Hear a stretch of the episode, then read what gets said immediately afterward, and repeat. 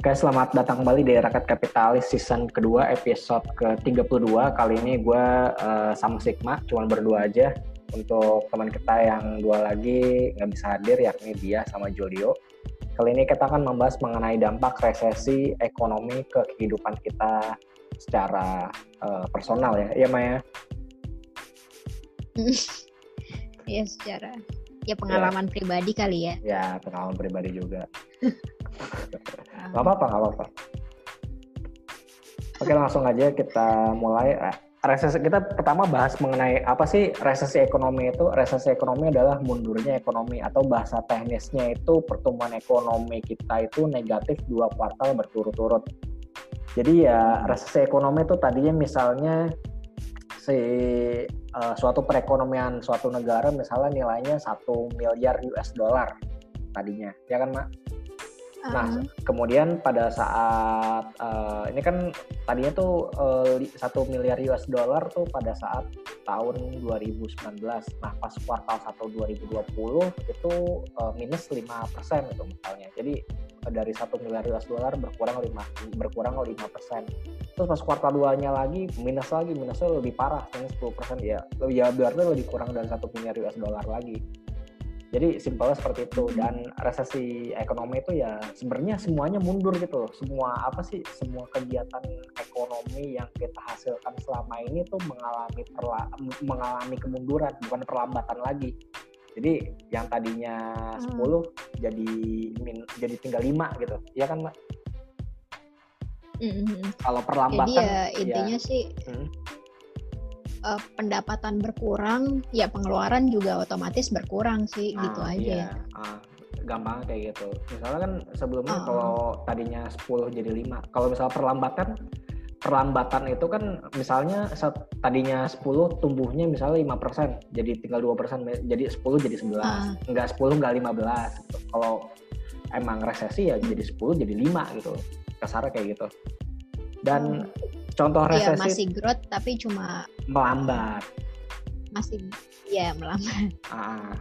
Nah, ini contohnya itu adalah resesi ekonomi di Amerika Serikat. Kalau kita lihat resesi kan tadi uh, teorinya adalah bahasa teknisnya adalah ekonomi negatif dua kuartal berturut-turut dan Amerika Serikat ini adalah contoh sempurna yang menggambarkan resesi ekonomi. Di kuartal pertama 2020 ekonomi minus 5% dan di kuartal kedua ekonomi minus 32,9%. Itu itu deep banget sebenarnya. Dan kalau kita iya. lihat bukan ada ini lagi ya, apa 32% tuh gila sih. 32. 32% persen coy. Itu gila banget sih. Dan kalau kita lihat sebenarnya di sini hmm, uh, si ekonomi Amerika Serikat ini kan sebenarnya dari 2,9, 3,9, 3,8. Nah ini mulai mengalami perlambatan nih 2,7, 2,1, 1,3. Nah ini namanya perlambatan ekonomi. Pada saat uh, akhir kuartal lagi dia accelerating lagi 2,9. Terus dia melambat lagi, naik lagi, turun. Nah yang puncaknya itu adalah di kuartal pertama 2020 dan kuartal kedua 2020 dan mereka resmi mengalami resesi Amerika Serikat. Dan bagaimana dengan Indonesia? Untuk Indonesia sendiri sampai saat ini sampai kuartal kedua 2020 belum mengalami resesi karena uh, pertumbuhan ekonomi yang negatif baru terjadi di kuartal kedua tahun 2020 yakni pertumbuhannya minus 5,32 persen sedangkan di kuartal pertama masih tumbuh 2,97 persen. Terus udah melambat setengahnya ya dari uh, ya dari melambat dari sebelumnya 5 persenan tinggal 2,97 kemudian hmm uh, mengalami penurunan ekonomi 5,32 persen. Jadi uh, Indonesia sampai dengan kuartal kedua 2020 belum resesi. Tapi tapi emang ya. Apa tuh? Tapi kan sebenarnya di kuartal ketiga kemungkinan kita resesi itu sebenarnya udah ya udah hampir pasti ya nggak sih mak? Menurut gimana? Iya, ha, ha. Udah benar-benar. Iya sih benar orang belum membaik juga gitu kan. Iya, ya. Makin ya COVID-nya tuh makin ini loh, makin banyak korban ya, aja gitu. Iya betul, makin banyak uh, yang kena, korbannya terus bertambah, nggak melandai-melandai. Kita uh, belum masuk fase ini ya, fase kedua ya. Itu masih fase Kita nggak ada fase-fasaan. Kita nggak ada fase Udah lanjut aja terus. Lanjut aja terus.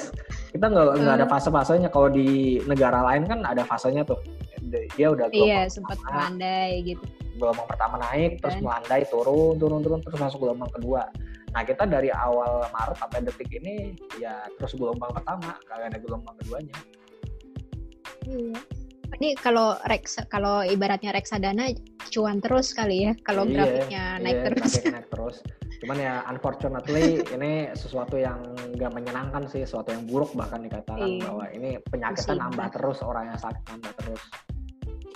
Hmm. Dan selanjutnya nah sebenarnya dampak resesi ke kehidupan kita tuh apa sih? Nah, mungkin dari lu dulu, Mbak, sebelum kita bahas yang gue bikin, coba deh lu dulu apa sih Aduh, menurut lu? apa nih? dampak yang dampak lu rasain resesi. selama ini. Iya, dampak yang lu rasain selama ini. Kalau gue pribadi sih apa, apa ya? ya? Susah uh. cari kerja sih, intinya itu. Nah, itu benar. Susah cari itu kerja. benar. Susah cari kerja. Uh. Terus gue nggak bohong. Biasanya itu ya, biasanya kalau hmm. gue pribadi nah uh, ngelamar job street atau di mana itu itu biasanya dari hmm. dari li, lima lima resume atau lima cv yang gue lempar pasti ada yang manggil dua tiga pasti ada yang manggil oh itu iya itu pasti ada yang manggil uh-huh. maksudnya udah di uh, dengan pengalaman kerja yang lumayan ya maksudnya itu pasti ada yang manggil nah sekarang hmm. karena ada apa sih ya perusahaan juga banyak yang gulung tikar segala macem, usaha juga sulit, industri keuangan juga lagi parah-parahnya sekarang, asuransinya jeblok, kemudian perusahaan sekuritasnya juga bermasalah, perusahaan aset manajemen juga bermasalah, asuransi juga bermasalah, jadi benar-benar kehilangan daya tawarnya gitu loh untuk perusahaan-perusahaan di, industri keuangan, nah, kecuali iya. perbankan ya, iya nggak mbak?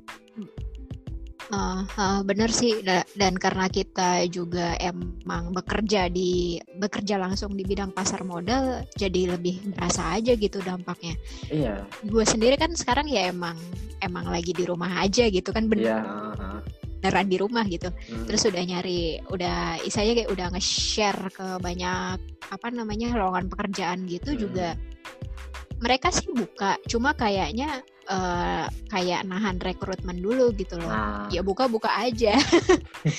Cuma nggak tahu kenapa uh, itu gue udah lebih dari 30 dan emang nggak ada sama sekali lanjut sampai kayak interview gitu. Ya iya. nggak yeah. tahu sih. Entah emang ya emang saingannya ya yang makin banyak juga atau mungkin ada yang kurang dari CV gue juga ya nggak tahu. Yang jelas sih emang uh, apa namanya peluang buat mendapatkan pekerjaan baru sih lebih sulit gitu. Iya emang lebih sulit sih nggak segampang uh. yang lalu-lalu lah ibaratnya. Di LinkedIn uh. juga biasanya orang kan banyak tuh. Kalau misalnya LinkedIn kita oh, bagus, LinkedIn, ya, iya, LinkedIn, betul. LinkedIn kita bagus kan biasanya orang nyarinya di LinkedIn gitu di chat. Mbak masih mau uh, ini nggak atau apa nggak atau Mas mau masih mau ini nggak? Mau adik kita ada kesempatan nih biasanya kayak gitulah. Makanya LinkedIn juga perlu iya, diperbaikin sih sebenarnya. itu yang salah satu membantu uh, kita meraih pekerjaan juga. Uh, nah terus iya, yang hmm, terus yang kedua itu adalah eh, bagi pekerja itu kenaikan gaji sama bonus nggak bakal ada sih di 2021 itu aja. Itu udah pasti tuh. Hampir pasti. Udah udah pasti. Uh. lu nggak bakal naik gaji lu nggak bakal dapat bonus. Kalau perusahaan-perusahaan yang menengah ke bawah ya perusahaan menengah yang menengah ya biar menengah biasa lah itu udah nggak bakal ada deh perusahaan besar pun juga lihat-lihat Iya nggak, Wak? Perusahaan besar juga lihat-lihat. Uh, perusahaannya masih untung apa enggak? Segala Kan ada perusahaan besar yang ngalamin kerugian tuh ada. Ada perusahaan besar yang ngalamin kerugian. Terus banyak. Banyak banget. Terus perusahaan yang apa? Perusahaan besar tapi masih bisa bertahan tapi labanya turun 50%. Labanya turun 40% ya mau gimana? Itu keadaannya kayak gitu.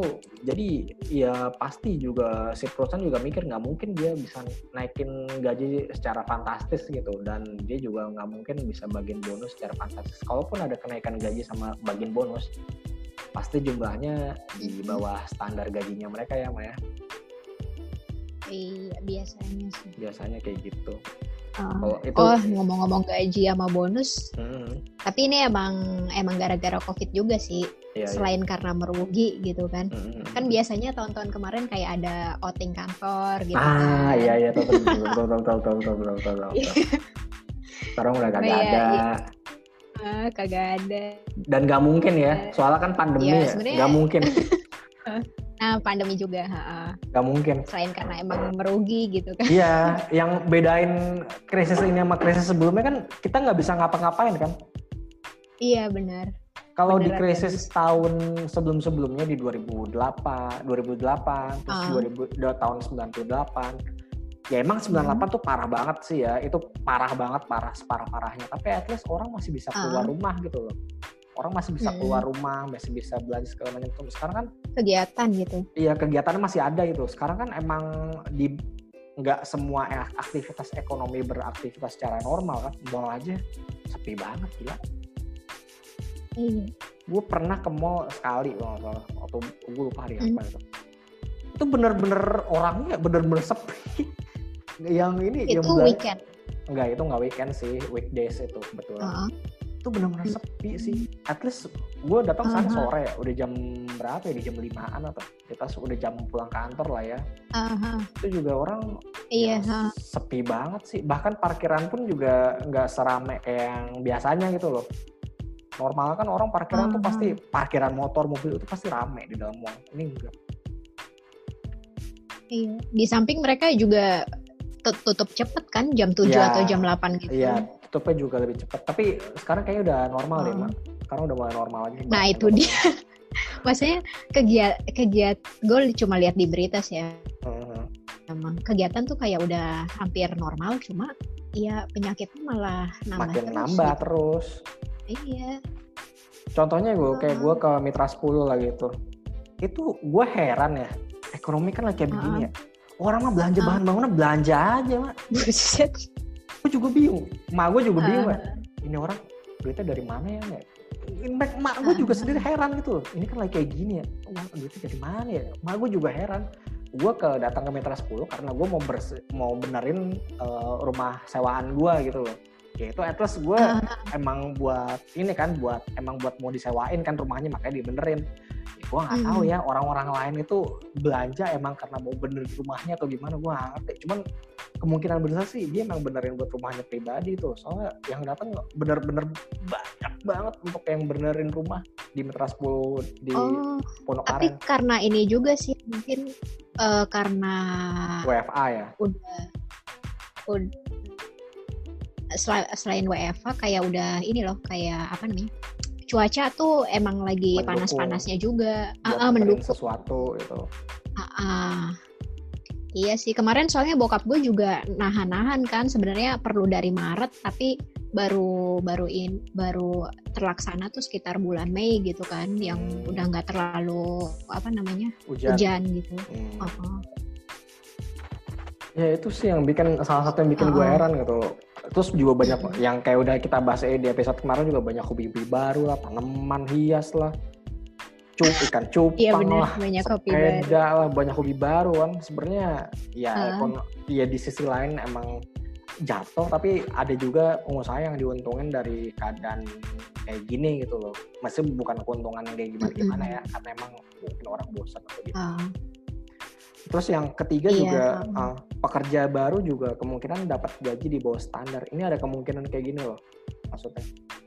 Dia fresh graduate Bisa gitu jadi sih. fresh graduate dia mau kerja. Mm-hmm. misalnya UMR Jakarta taruhlah 4,3 juta atau 4,5 juta lah. Ini bisa aja dibayar oh ya kamu gaji 4 mm-hmm. juta dulu kondisi lagi pandemi atau gimana. Bisa aja kayak gitu.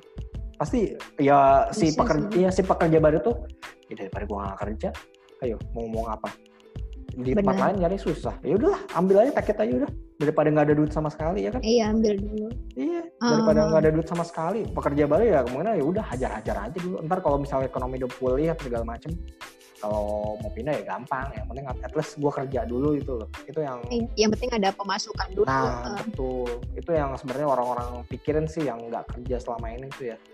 Ya gue ngerti sih rasanya berat banget punya kerjaan. Itu gue ngerti banget sih gue santai coy. banget di rumah. Pusing coy.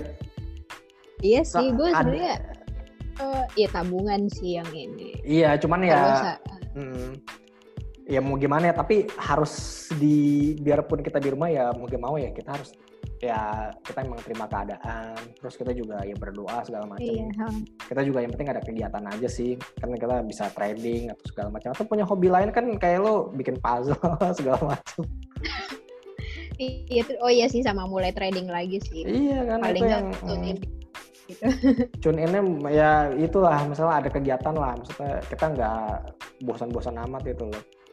Terus juga hmm. yang keempat ini terkena PHK pengangguran naik itu udah pasti lah. Banyak orang yang Sudah. di PHK gue jumlahnya kurang tahu berapa. Yang jelas PHK massal itu udah terjadi dan pengangguran juga naik terus yang terakhir pengusaha atau perusahaan itu bangkrut. Itu ya itu udah gue usah diomongin lagi deh.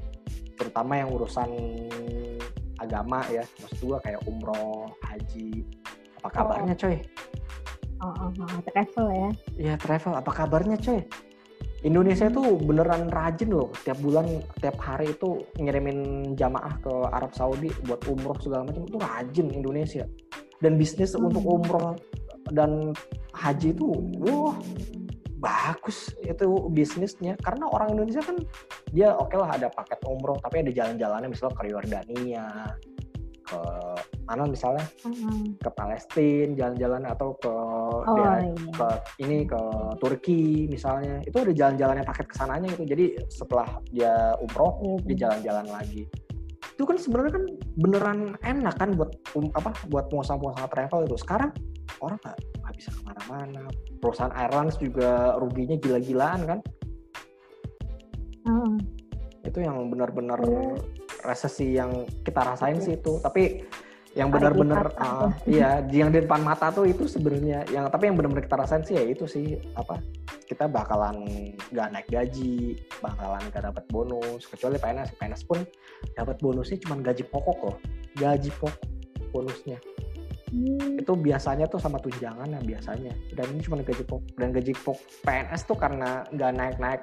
Selama lima tahun kemarin cuma naik cuma sekali doang. Itu berasa banget. Paling cuman mereka tuh gaji pokok tuh cuma satu juta satu juta setengah dua juta dua juta setengah. Gaji pokok kan segitu doang.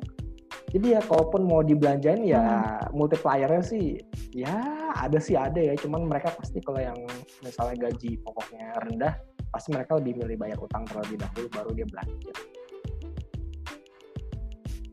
hmm. nah sebenarnya syukur-syukur kagak di ini sih ada yep. dipotong gajinya. Iya, itu betul. Kayak gue pribadi kan gue masalahnya gaji gue dipotong, tapi dipotongnya masukin ke produk uh, perusahaan gue gitu. Itu itu okay. Oh. Nah, terus kalau misalnya resesi ekonomi berkepanjangan menjadi seperti krisis moneter di tahun 98. Kalau kita flashback lagi ke tahun 98 itu benar-benar benar-benar menyedihkan. Kenapa? Karena di tahun 96 ekonomi kita masih bisa tumbuh 7,8 persen. Ingat loh, ekonomi kita di tahun 90-an hmm. itu tumbuhnya antara 5 sampai 7 persen waktu itu. Kemudian di tahun 97 mulai kelihatan ada yang salah sama ekonomi Indonesia. Karena perlambatannya lumayan parah dari 7,8 persen sampai 4,9 persen. Ini masih melambat loh ya perekonomiannya. Kemudian di kuartal pertama tahun 98 hmm. gitu, mulai hal yang jarang terjadi di pemerintahan Orde Baru ya, maksudnya resesi gitu mulai minus 4,4 persen di kuartal pertama, kemudian di kuartal kedua lebih gila lagi minus 12 persen. Lu bayangin ya, kita minus 5 persen aja kayak begini. Gimana rasanya di tahun 98 dia minus sampai 12,3 persen gitu ekonominya. Okay. Kemudian di kuartal 3 lebih parah lagi, minus 18,4 persen dan kuartal 4 minus 19,5 persen. Ini benar-benar ini ya, maksudnya di kuartal 4 tuh iya, benar-benar empat kuartal. Empat kuartal, coy. Dan hmm. di tahun 98 itu ekonomi kita minus 13,7 persen. Ini secara tahunan ya, minus nah, 13,7 persen. Bertumbuh berarti. Eh, iya bertumbuh. Oh, secara tuh, oke. Okay. Iya, secara tahunan. Hmm. Secara lama minusnya 13,7 persen. Karena ini kan secara kuartalan ya dan hmm. benar itu benar-benar ngebuat ekonomi Indonesia yang tadi katanya ya katanya udah siap lepas landas jadi ini jadi kayak ngalami turbulensi terus jatuh lagi pesawatnya kayak gitu kan hmm. Hmm. terus di tahun 99 iya di tahun 99 itu kan uh, ekonomi kita tumbuh ya cuman tumbuhnya ya rebound lah hmm. dari minus ke 0,79 persen itu sebenarnya bagus banget sebenarnya ya nggak mak lo bayangin ekonomi kita dari minus 13 persen jadi 0,79 persen itu luar biasa bagus sebenarnya. Ekonomi kita naik 13 persen kira-kira seperti itu. itu sangat iya. bagus banget naik 14 persen iya naik 14 persen ekonomi kita itu bagus banget sebenarnya di tahun 99 itu eh, kalau hmm. gue kan pernah bahas tentang ini kan waktu Pak Habibie wafat kan gue bahas tentang ekonominya dia itu emang waktu itu tahun 99 hmm. itu Indonesia kebantu sama uh, produksi pangan yang melimpah. Produksi kuncinya di pangan dari dalam melimpah. negeri? Dari dalam negeri. Kuncinya di pangan. Waktu itu karena kita krisis tapi rakyat kita masih bisa kenyang karena produksi kita cukup waktu tahun 99 itu. Untungnya. Entah kenapa cuaca hmm. di cuaca di tahun 99 itu bagus banget. Produksi padi kita bagus produksi pangan kita yang lain bagus. Jadi Indonesia tuh nggak perlu impor yang aneh-aneh dia manfaatin produksi dalam negeri segala macam kita makan dari dalam negeri. Jadi ekspor kita pun juga bagus waktu itu. Karena kita nggak perlu impor impor bahan pangan yang ini kita impor tapi kita bisa hasilkan sendiri. Dan itu malah kita hmm. tahun 90-an sempat ekspor seingat gue ya seingat gue kita, kita sempat ekspor. Itu yang bikin ekonomi Indonesia waktu tahun 99 itu selain ada pemilu ya tampaknya jadi hmm. wah jadi kayak semacam turning pointnya Indonesia tuh 99 menurut gue menurut gue ya hmm. turning pointnya tuh 99 dan harus gue akuin Pak Habibie emang oke okay banget sih waktu itu bener-bener perfecto lah waktu itu kalau gue bilang secara ekonomi hmm. ya eh, mungkin yang lain masih banyak kekurangan kan waktu zaman Pak Habibie nggak mungkin nggak lepas dari kekurangannya cuma dari sisi ekonomi selain ditolong sama produksi pangan kita yang bagus sama dia emang ngeluarin kebijakan-kebijakan yang sampai sekarang pun kita bisa rasain manfaatnya gitu loh contohnya kayak hmm. pemisahan uh, gubernur BI nggak jadi anggota kabinet itu jadi independen oh itu salah satu hmm. warisannya sih yang sampai kita rasain pada detik ini ya terus ada undang-undang persaingan hmm. usaha terus ada lagi namanya uh, ya itu lah pokoknya di antara itu ngelahirin undang-undang anti korupsi kolusi dan nepotisme itu dilahirin tahun 99 itu hmm. Jadi ya itu sih berarti yang apa produksi pangan tadi bisa dicontoh kali ya buat That's kasus right. tahun ini gitu. That's right. Nah makanya hmm. gue bingung ya. Sorry tuh saya nih, pemerintah ini kan uh. fokusnya infrastruktur ya. Banyak iya. sawah yeah. yang dialihin jadi jalan tol segala macam. Nah pas ada kayak begini, kita bingung kita mau nanam padi di mana. Akhirnya dipilihlah Kalimantan. Menurut gue itu ya gimana ya Kalimantan mah bukan tanah buat nanam padi sih menurut gue ya tanam padi mah tuh di daerah itu. iya tidak lahan katanya lahan gambut itu gue kurang paham juga tanahnya basah hmm. atau gimana jadi kurang bagus untuk produksi pertanian ya tanah yang paling bagus untuk hmm. pertanian di Jawa di Sumatera di NTB itu salah satu lumbung padi kita NTB itu di Lombok.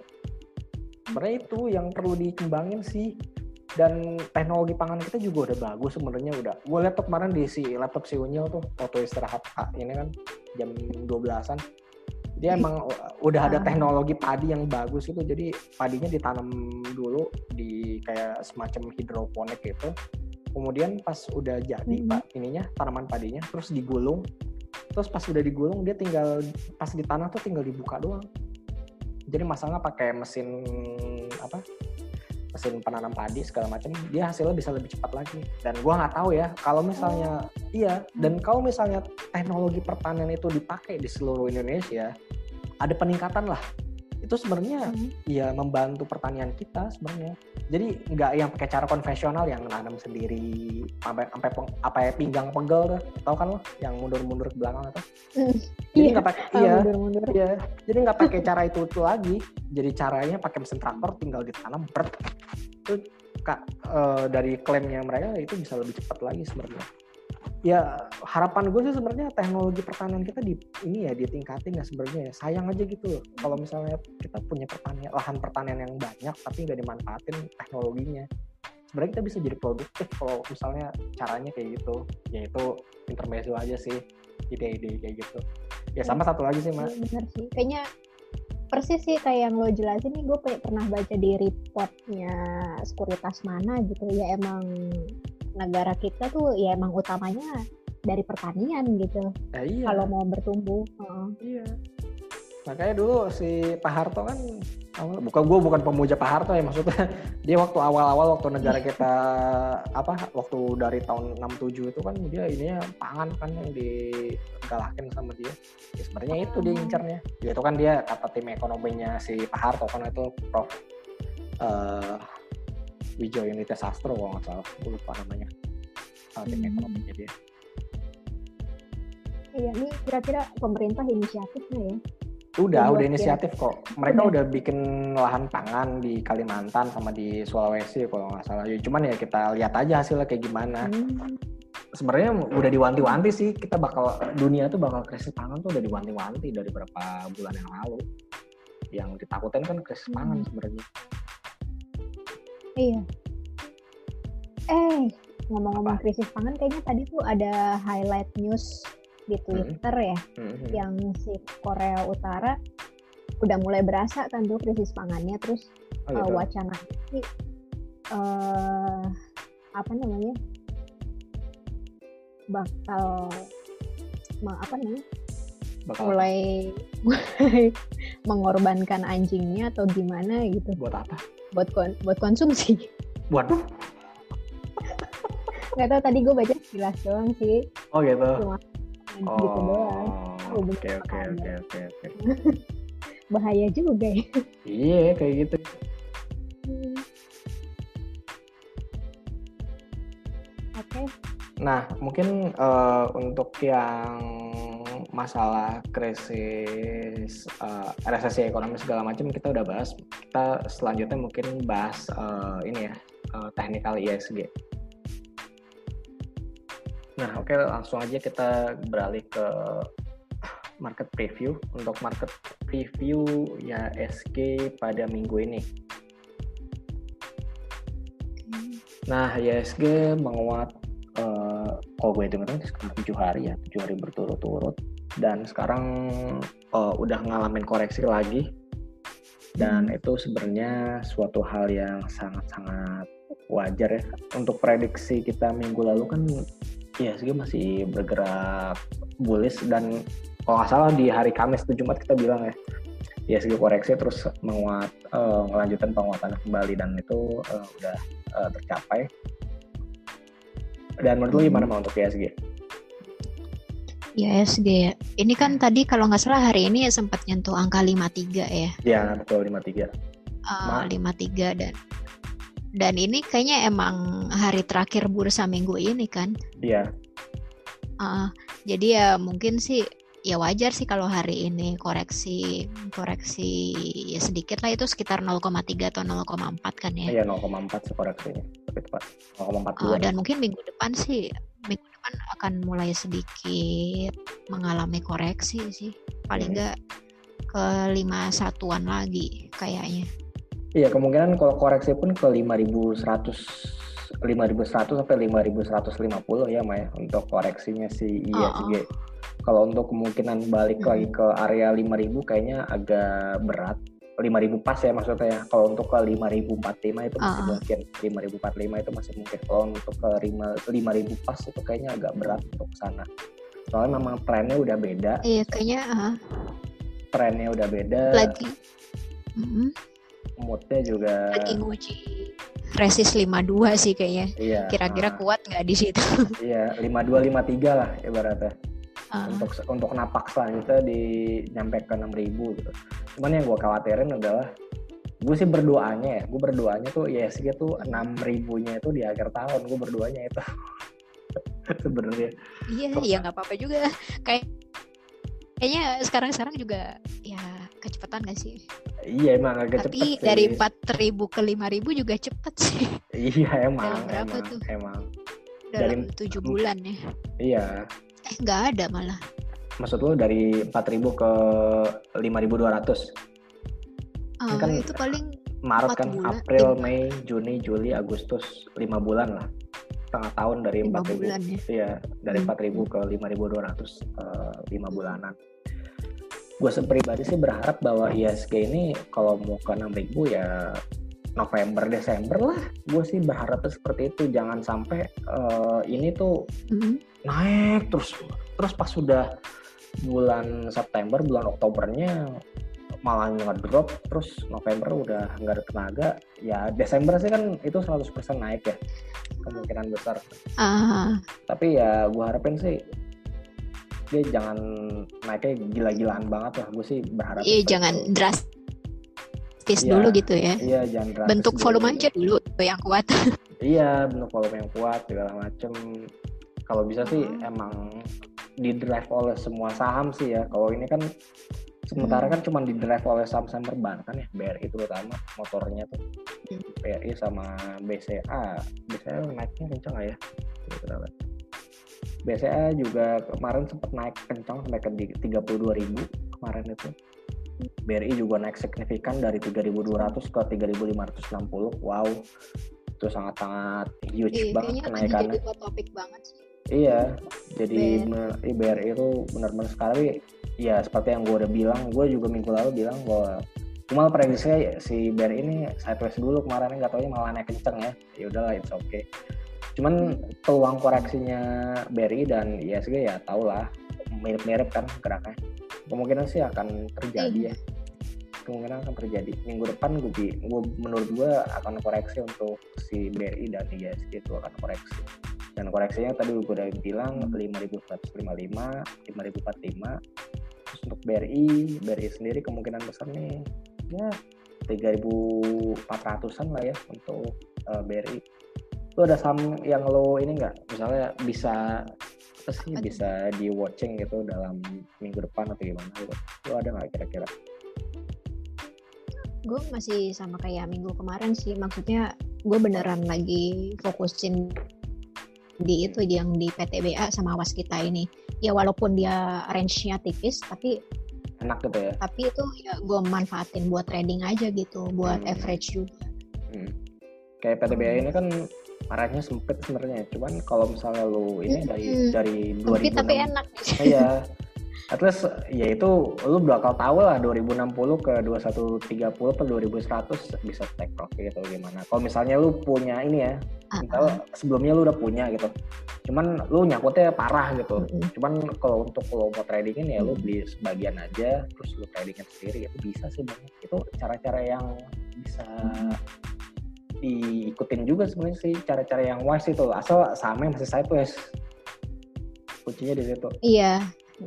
Sangat nah untungnya ini range-nya ya emang masih sideways juga sih. Iya. Cuman kalau hmm. dia udah lewat dari 2200 dia udah mulai bu nah, cocok di trading. Itu cocoknya di hold. Iya. Itu cocoknya di, di hold itu. Uh, soalnya kita, ini mumpung mumpung masih iya, lagi kayak gini iya kalau udah udah bullish itu mending kita hold soalnya kalau kita trading ya capek sendiri ujung-ujungnya. Kayak Berry mana kan ini kan dia break dia satu panjang kan. Pas breakout ya udah lu hold uh. aja. Kalau lu kalau trading di pas dia naik ya lu ngejar harga terus yang ada nanti Iya, lebih capek ngira-ngiranya gitu. Iya, lebih capek ngira-ngiranya. Kalau saya tuh sekarang lu gampang. Oh, ini 2060, oh 2050. Ya 2000 lah mentok-mentoknya. Udah ambil terus jual lagi. Uh -huh. Terus ini UNTR juga saham-saham ini ya yang berhubungan dengan emas. Ini juga lagi bullish, bullish banget malahan. Kalau bisa dikatakan sekarang lagi masa koreksinya. Terus si TMG, TMG juga saham batubara ini juga udah kita bahas minggu lalu MDKA. MDKA ini masih bertahan di EMA 20-nya ya, masih tergolong bullish sekarang. Hmm. Bahkan kalau kita lihat ini stokastiknya sudah di oversold ada kemungkinan dia rebound justru untuk MDKA dan untuk Indi Indi juga lagi sideways dan gua pribadi sih lagi lihat-lihat sahamnya mungkin MNCN MNCN masih ini ya masih koreksi belum ada pergerakan hmm. yang cukup baik ke depannya tapi ya dengan rumor si Pak Lokeng Hong masuk di BMPR segala macam dengan kicauan-kicauan hmm. yang seperti itu iya. jadi bumbu-bumbu untuk saham MNC sebenarnya ke depannya meskipun ya uh. kalau kayak mah belanja mah itu kayak jajan di warung aja sebenarnya buat segitu mah. Tapi menarik juga sebenarnya ya di harga ya, segini. dia uh, di harga segini ya lumayan sih untuk MNC ya. MNC itu ingat ya, MNC itu perusahaan yang besar loh. Dia market share-nya yang uh, paling besar di Indonesia untuk televisi. Itu yang perlu lo ingat. Hmm. Hmm. Kemudian lagi ya sahamnya ya yang bisa di ini ya. Untuk ya sih kita udah dibahas. BCA hmm. mungkin ya masih tertahan di 32 ribu Mungkin itu aja kali ya untuk uh, prediksi uh -uh. dari IISG dan beberapa saham yang emang gue punya dan Sigma juga punya gitu untuk prediksinya uh, minggu depan seperti apa. Mm-hmm. Kita mungkin akan berjumpa kembali di episode berikutnya. Gua Farhan dan Sigma pamit undur diri dulu. Jangan lupa untuk like akun YouTube channel Rakyat Kapitalis. Kalau ada pertanyaan bisa bisa kirim Twitter kita di Rakyat Kapitalis at rakyat kapitalis. Kalau ada pertanyaan bisa email kita juga di rakyatkapitalis@gmail.com. Jangan lupa untuk dengerin uh, podcast kita di Spotify dan Kurio. Gue Farhan dan Sigma pamit undur diri. Kita menjumpa kembali di episode berikutnya. Bye-bye. Bye.